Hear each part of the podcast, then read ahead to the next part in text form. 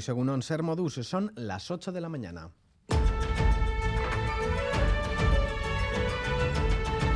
Crónica de Euskadi con Lier Puente.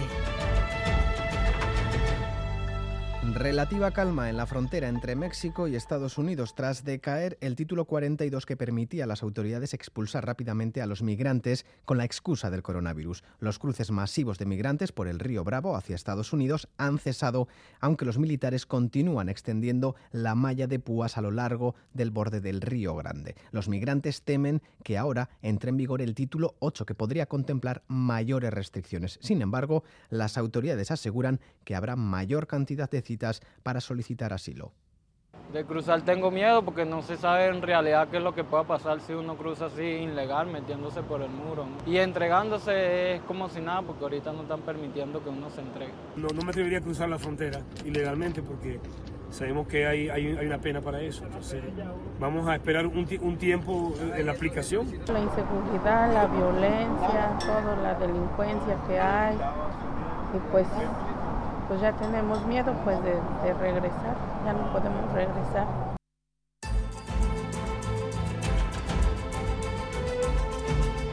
De visita en Estados Unidos, el presidente del gobierno español, Pedro Sánchez, ha afirmado, tras reunirse en la Casa Blanca con Joe Biden, que trabaja para conocer el número de migrantes que acogerá España desde América Latina en virtud de los acuerdos firmados con Estados Unidos, aunque ha evitado dar una cifra.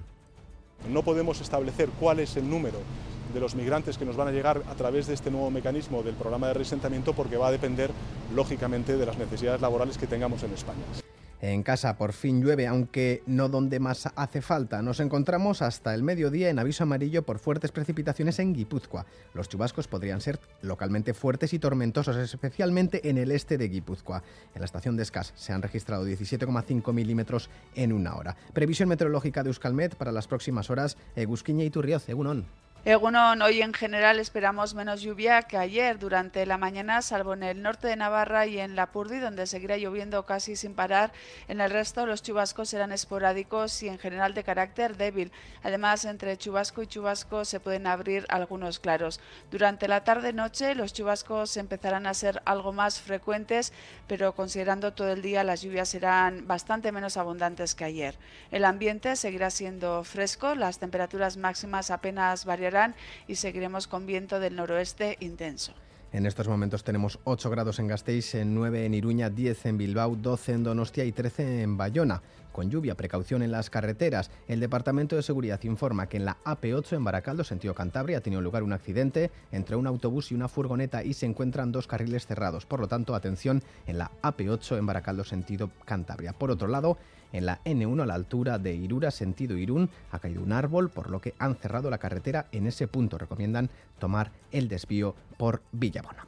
Por otro lado, el gobierno vasco ultima una instrucción para garantizar la no discriminación de las personas trans en las cárceles. Este documento contempla que la persona que ingresa en prisión pueda determinar su género, bien en el momento en el que entra o bien durante su estancia, sin necesidad de diagnóstico o informe médico. Nerea Melgosa, consejera de Igualdad, Justicia y Políticas Sociales queremos dar una muestra más de nuestro compromiso con las personas, con sus necesidades, con sus derechos y libertades, aunque estén internas en un centro penitenciario, porque la decisión formal de vivir de acuerdo con el género sentido es un elemento a considerar en el programa individualizado de tratamiento penitenciario. Les contamos también que ha fallecido la joven vizcaína ingresada desde hace tres semanas en el Hospital de la Paz por quemaduras sufridas en el incendio del restaurante de Madrid. Era amiga de la enfermera del IMQ de Zorrozaurre, que también perdió la vida en el incendio. Susana Armentia, Egunon. Egunon sí llevaba tres semanas ingresada con pronóstico grave. Finalmente no ha podido superar las heridas que padecía y ha fallecido. La mujer de 41 años era amiga de la enfermera de Guecho, que perdió la vida el mismo día del suceso,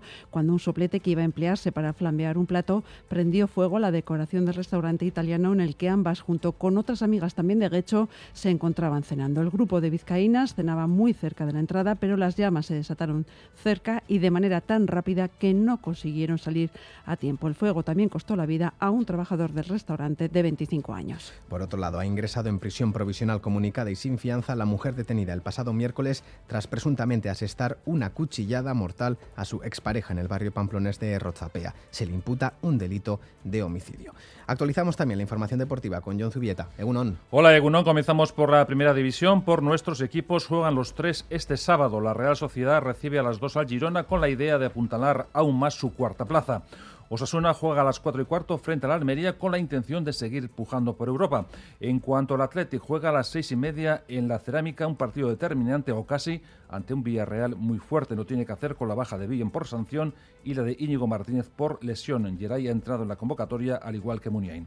En la Liga Femenina nuestros equipos juegan todos a las 12. El foco está puesto en el encuentro de Sevilla donde el Alavés Gloriosas quiere ganar al Betis para poder mantener la categoría. La Real Sociedad se enfrenta al Levante en Las Planas que también busca la salvación y por último el Athletic visita al Barcelona con la intención o la idea de por lo menos dar una buena imagen. En el ámbito de la pelota el Ordi ganó 22-16 al Aso en Vinivilla y se plantará en una de las semifinales del Manista ante Darío. Baloncesto, el Iraurgi perdió 91-78 ante el Forza Lleida y se complica su permanencia. Además, el GBC ganó 79-81 al Alicante y está octavo. En ciclismo, Demi Bolerín ganó la primera etapa de la Ichulia Web 2023 tras dar una exhibición y en el Giro de Italia, victoria de Davide Weiss. Lengnesun sigue con la maglia rosa. Asimismo, el Veravera juega esta tarde en Elche el primer partido de las semifinales de los playoffs de balonmano.